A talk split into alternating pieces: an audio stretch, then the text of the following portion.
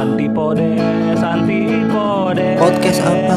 Antipodes, antipodes. Kurang keras. Antipodes, antipodes. Lebih Podcast, kencang. Podcast, antipodes. Kembali lagi dalam segmen Riuh Sepekan bersama podcast Antipodes. Di sini ada gua Geger dan nanti akan ada dua rekan gua yang akan membawakan berita-berita tertrending di sosial media, terutama di Twitter selama sepekan ke belakang. Jadi kita langsung aja ke berita yang pertama.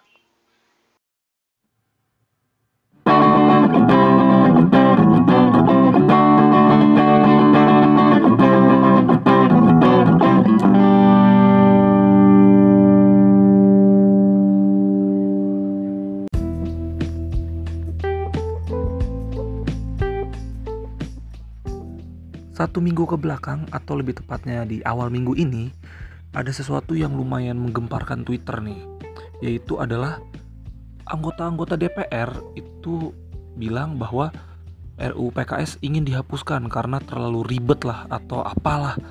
Ini lumayan bikin geger nih karena gimana ya?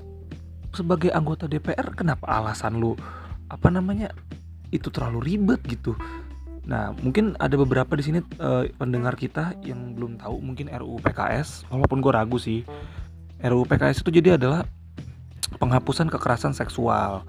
Jadi kekerasan seksual itu ada 9 menurut RUU ini. Yaitu eh, pelecehan seksual, eksploitasi seksual, pemaksaan kontrasepsi, pemaksaan aborsi, pemerkosaan, pemaksaan perkawinan, pemaksaan pelacuran, perbudakan seksual, dan atau penyiksaan seksual. Nah, jadi 9 poin ini tuh termasuk dalam kegiatan kekerasan seksual. Dan tiba-tiba ini RUU yang tadinya udah masuk prolegnas jadi dikeluarin karena katanya eh apa namanya si undang-undang ini tuh terlalu ribet lah, terlalu rumit. Dan itu tuh bikin orang di Twitter lumayan yang kayak wah anjing ya ini DPR giliran yang kayak gini-gini aja. Malah lu keluarin gitu dari prolegnas giliran kayak kemarin. RUU KPK lah apalah. Oke oke di sini tuh gue bukan orang yang mengerti hukum atau gimana ya. Cuman nih apa ya? Lu pikiran sebagai manusia aja gitu. Kenapa kekerasan seksual malah nggak diurusin gitu? Yang kayak gini-gini kan aneh ya. Maksudnya gue pun yang tidak mengerti hukum atau apa secara waras gue juga akan mikir wah ini nggak bener nih. Karena banyak lah berita-berita yang kayak kemarin yang adalah yang katanya seorang anak umur 12 atau 13 tahun yang diperkosa oleh sepupunya terus dipaksa dinikahkan terus dia melahirkan anak setelah itu diperkosa sama mertuanya. Itu kan sakit ya maksudnya.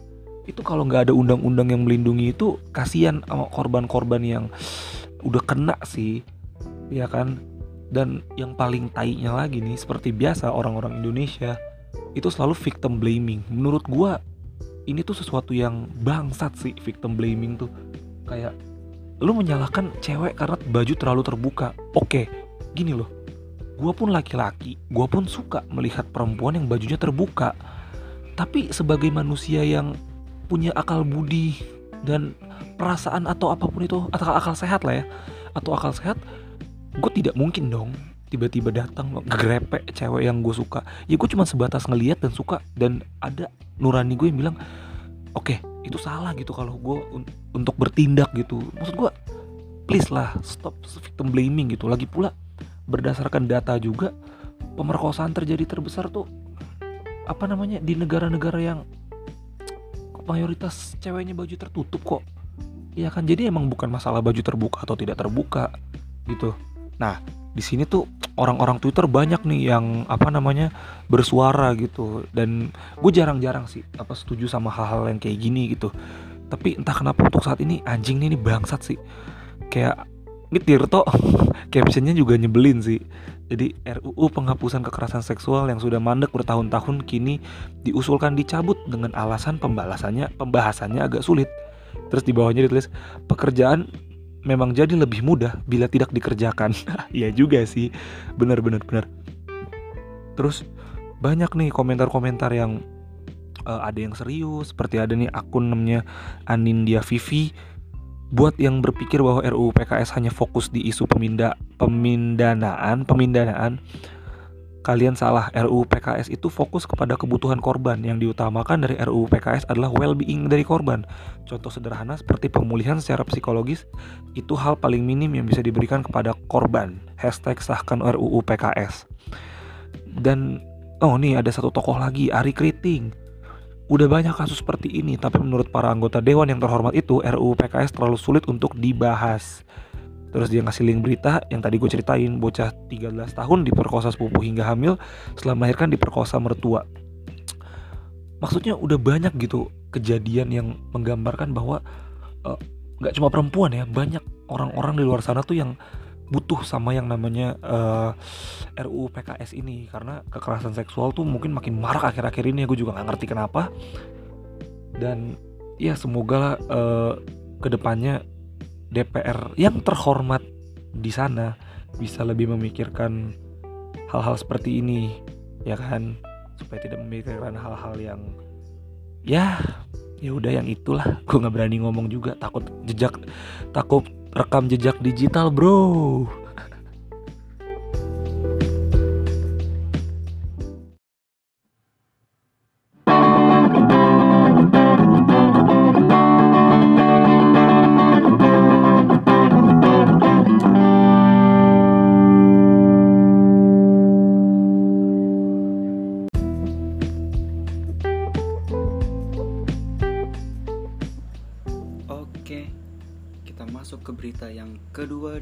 Riu Sepekan minggu ini. Kali ini dengan gue Riza akan membawakan satu berita yang cukup ramai diomongin minggu ini yaitu adanya oknum pegawai Starbucks yang ngintipin cewek dari CCTV. Ya bisa dibilang pelecehan seksual lah ya.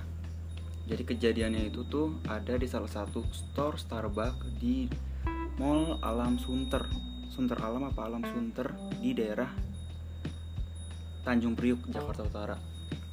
Nah jadi eh, video itu tuh sempat viral karena di video itu nunjukin kalau ada dua oknum yang satu sebagai operator CCTV dan satunya lagi sebagai perekam yang share video itu di media sosialnya sendiri yaitu di Instagram.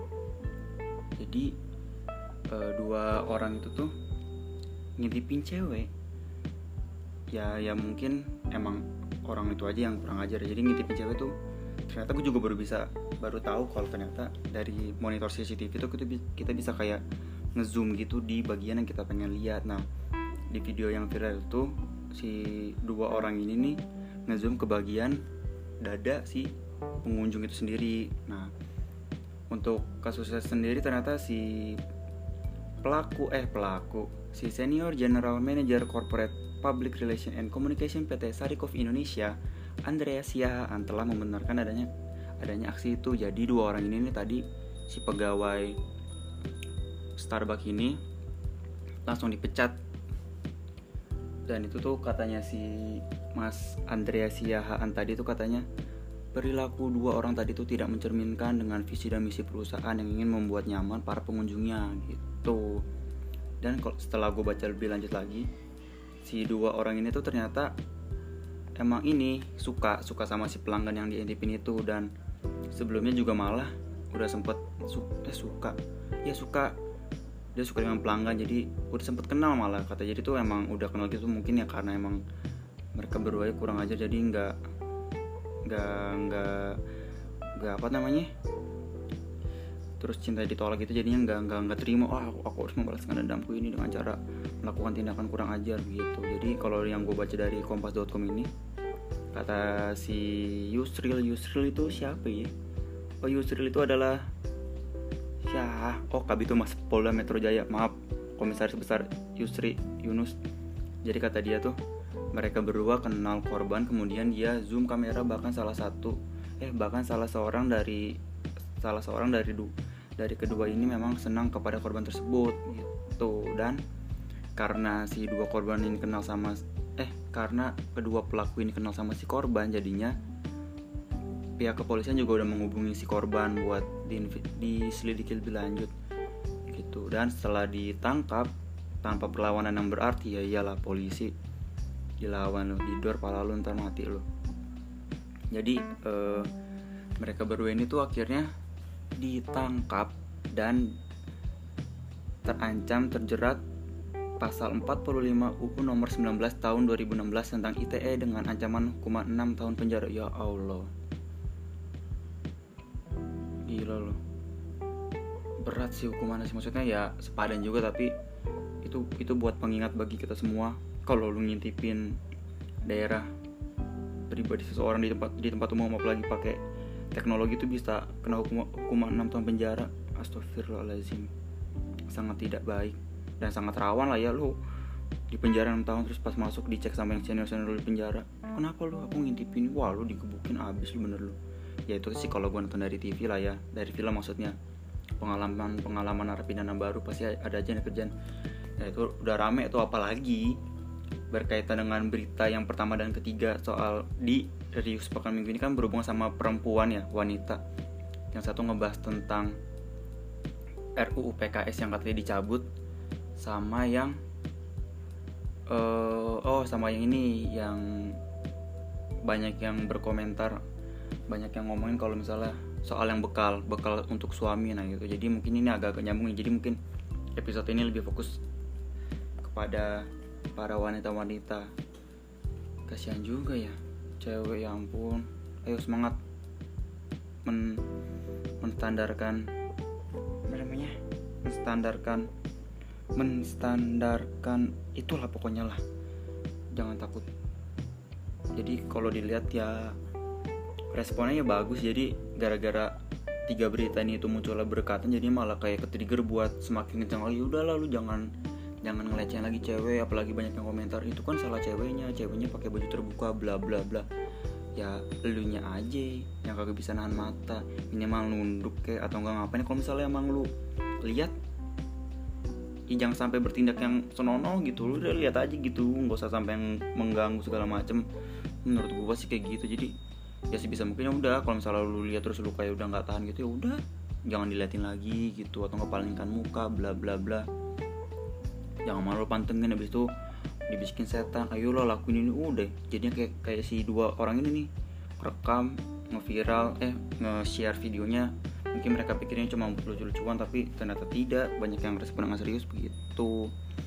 Udah kalau kayak gitu mah kalau nggak bisa nahan diri ya udah mendingan lu menjauh gitu loh daripada lu kayak begini juga responnya ya, ya udah pada kesel segala macam. Jadi intinya malah intinya dari respon netizen ya pada kesel juga pada ini orang apaan sih kok gini aja pakai di pakai di uh, maksudnya segitunya loh segitunya lu bodoh buat nge-share video yang berkemungkinan buat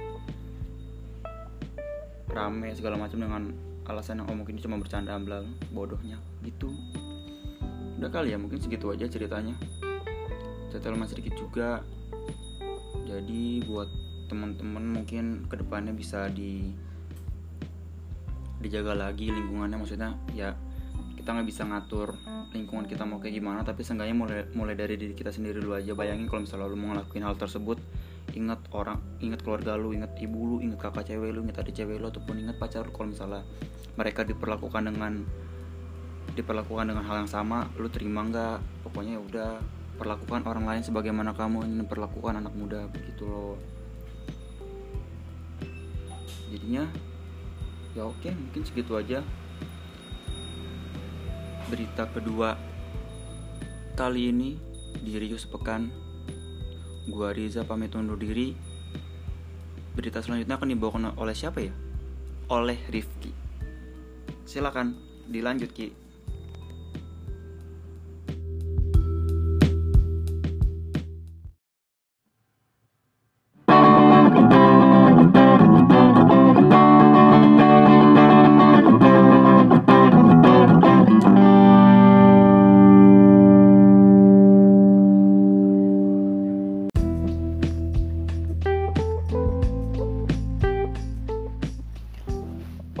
selanjutnya uh, sangat sepele sekali.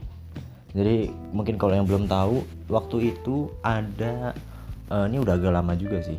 Ada orang ya di Twitter dia memposting oh ya nama nama orangnya @rainy_december.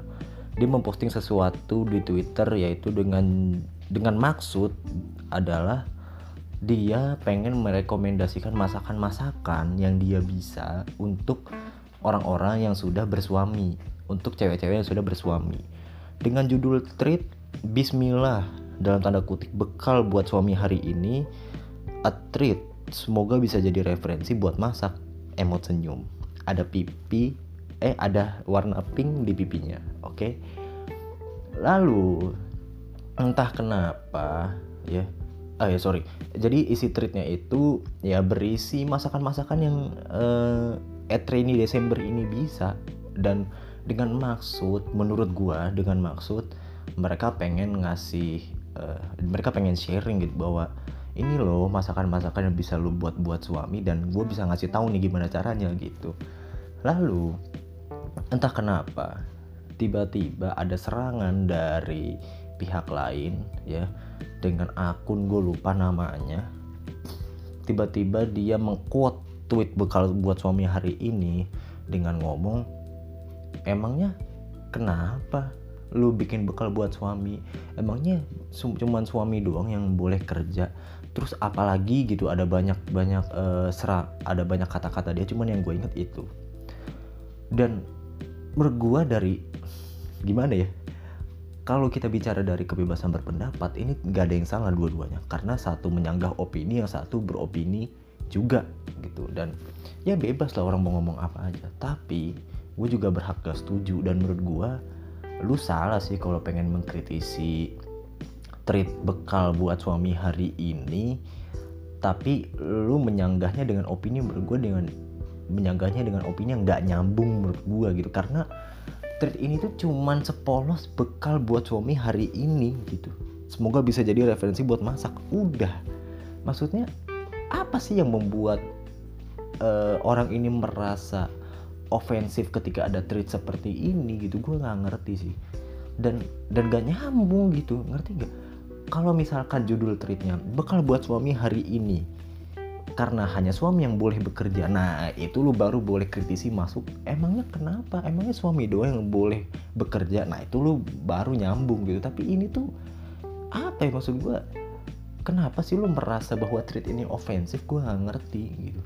Padahal treat ini cuma sepolos judulnya aja bekal buat suami hari ini udah kelar sampai situ seharusnya. Lu dengan treat dengan judul polos seperti itu lu harusnya mengkritisi bukan harusnya ya lu lebih masuk akal untuk mengkritisi eh, bahan-bahan mungkin yang tidak cocok menurut lu. Kayak misalkan bekal buat suami hari ini bahan yang dimasukin adalah bla- beberapa kilo. Terus lu baru eh, terus ada orang mengkritisi ah menurut saya cabenya segini aja deh soalnya bla bla. Nah itu baru nyambung. Tapi ini tuh dengan lu mengkritisi seperti itu hanya suami yang boleh bekerja lah bla bla bla itu nggak nyambung gitu loh.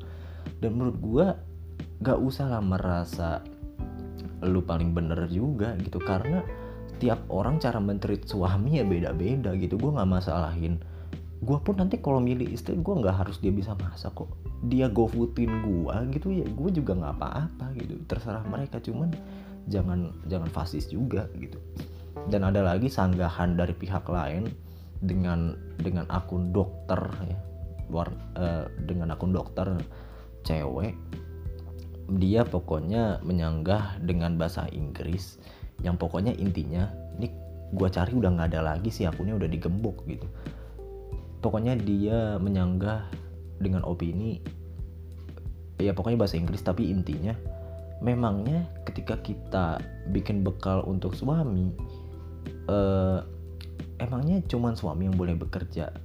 Udah gitu dengan kita bikin bekal buat suami emang kita pendapatannya lebih rendah buat suami? Eh emang kita pendapatannya lebih rendah dari suami? Maksudnya emangnya eh, kita nggak bisa gofoodin aja gitu. Emangnya ngira orang-orang ini atau suami ngira istri itu nggak punya duit apa gitu? Maksudnya mereka merasa bahwa ketika kita beketing, bikinin bekal buat suami emangnya kita nggak bisa gofoodin aja? Emangnya eh, mereka merasa bahwa kita nggak punya duit apa nih sebagai istri buat gofoodin suami? Yang gak usah tersinggung sih kalau menurut gua karena ya aduh ini ini lagi-lagi kebebasan berpendapat dan ya udah bebas aja gitu. Keduanya gak ada yang salah. Tapi menurut gua sih udah gak nyambung sih gitu. Kayak ini trade sepolos bekal buat suami hari ini tapi kok ke mana-mana ya gitu. Bahkan dia eh, dokter-dokter ini membahas kapitalisme juga kata gue lah. Ngapain gitu? Nggak nggak nyambung banget gitu. Apa sih gitu yang kenapa trik bekal buat suami hari ini merasa bahwa orang-orang ini tuh eh, yang merasa dirinya feminis mungkin merasa bahwa ini ofensif gitu. Gini gua gua gua eh, bukan menjelek-jelekan feminis gua setuju dengan feminis. Gue setuju dengan ideologi yang mereka pahami pahami bahwa ya cewek dan cowok harus setara gitu. Mereka mendukung kesetaraan gender. Itu gue setuju gitu bahwa ya setiap manusia sama aja gitu cewek cowok gitu. Dan cewek menurut gue harus mempunyai hak yang sama juga gitu. Dan realitanya emang eh, cewek di negeri ini dan bahkan negara-negara lain Asia mungkin terutamanya cewek tuh masih menjadi diskriminasi gitu dan cowok sebagai penindas gitu. Dan menurut gue nggak seharusnya cewek digituin. Gue setuju dengan pemahaman itu gitu yang yang yang feminis gitu. Emang feminis seperti itu gitu tapi gue ngelihat feminis feminis yang merasa dirinya feminis tuh mereka merusak citra feminis yang sebenarnya gitu. Padahal ya feminis tuh nggak begitu. Feminis tuh mendukung kesetara, kesetaraan gender. Tapi yang gue lihat feminis feminis palsu ini mereka pengen mendominasi laki-laki sih gitu. Jadi gue sebenarnya hmm, bahwa kalau eh, ada yang menyebut diri mereka feminis ya mereka bukan feminis kalau menurut gue sih apa? Iya iya.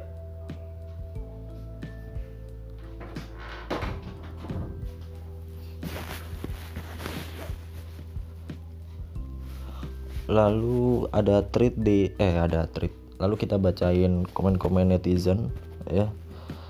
Eh, tanggapan-tanggapan netizen soal bekal buat suami hari ini. Tanggapan-tanggapan atas sanggahan si feminis-feminis palsu ini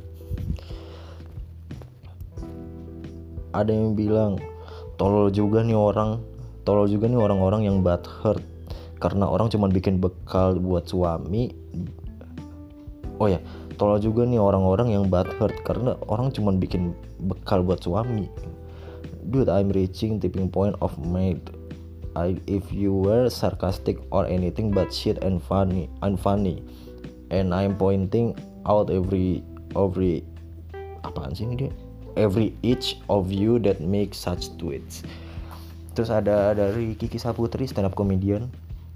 Dia nge-tweet Kiki kuliah. Iya Kiki berpenghasilan banget. Kalau udah nikah mau bikin bekal buat suami nggak? Ya mau lah terus Kiki langsung uh, nge-tweet berpendidikan dan berpenghasilan tidak membuat aku menjadi perempuan jumawa yang merasa diinjak-injak harga dirinya hanya karena membuat bekal untuk suami. Kocak. Dia nge-tweet kayak gitu terus ada yang bilang salahnya di mana bikinin bekal buat suami? Terus ada yang bilang juga bekal buat suami hari ini apa yang salah sih sama judul di atas? Kecuali kalau judulnya bekal buat suami orang hari ini yang juga adalah pacarku alias aku selingkuhannya. Nah baru udah pada nyap-nyap silahkan. Ya emang sih apa yang salah dari thread itu sebenarnya? Terus Eno Bening nih youtuber jadi kita sudah sampai di masa bikin bekal buat suami adalah tindakan yang bikin tersinggung. Lucu sih tapi gue masih di pendirian bahwa tersinggung itu boleh. Yang gak boleh itu menjarain orang karena tersinggung. Nuntut orang minta maaf karena tersinggung. Cancel orang karena tersinggung. Kenapa bekal buat suami hari ini yang dapat bekal cuma buat suami yang dibuatin bekal cuma suami yang kerja cuma suami? Duh I'm sorry I'm so easy to get triggered triggered over things like this. Ya jadi itulah tanggapan-tanggapan netizen Twitter yang lebih memihak ya orang yang nge bekal buat suami hari ini gitu. Karena ya jelas kenapa sih lu merasa ofensif gitu dengan treat sepolos itu? Kenapa sih gitu? Gue juga merasa bingung juga. Oke uh, jadi itu aja uh, trending uh, nomor 2 hari ini dari gua. Eh sorry ini penutup ya sorry sorry, sorry. jadi uh, itu dia trending uh, hari ini Rio sepekan uh, langsung aja follow @podcastantipodcast di Instagram dan kalau di Twitter langsung aja antipodes underscore dua kali.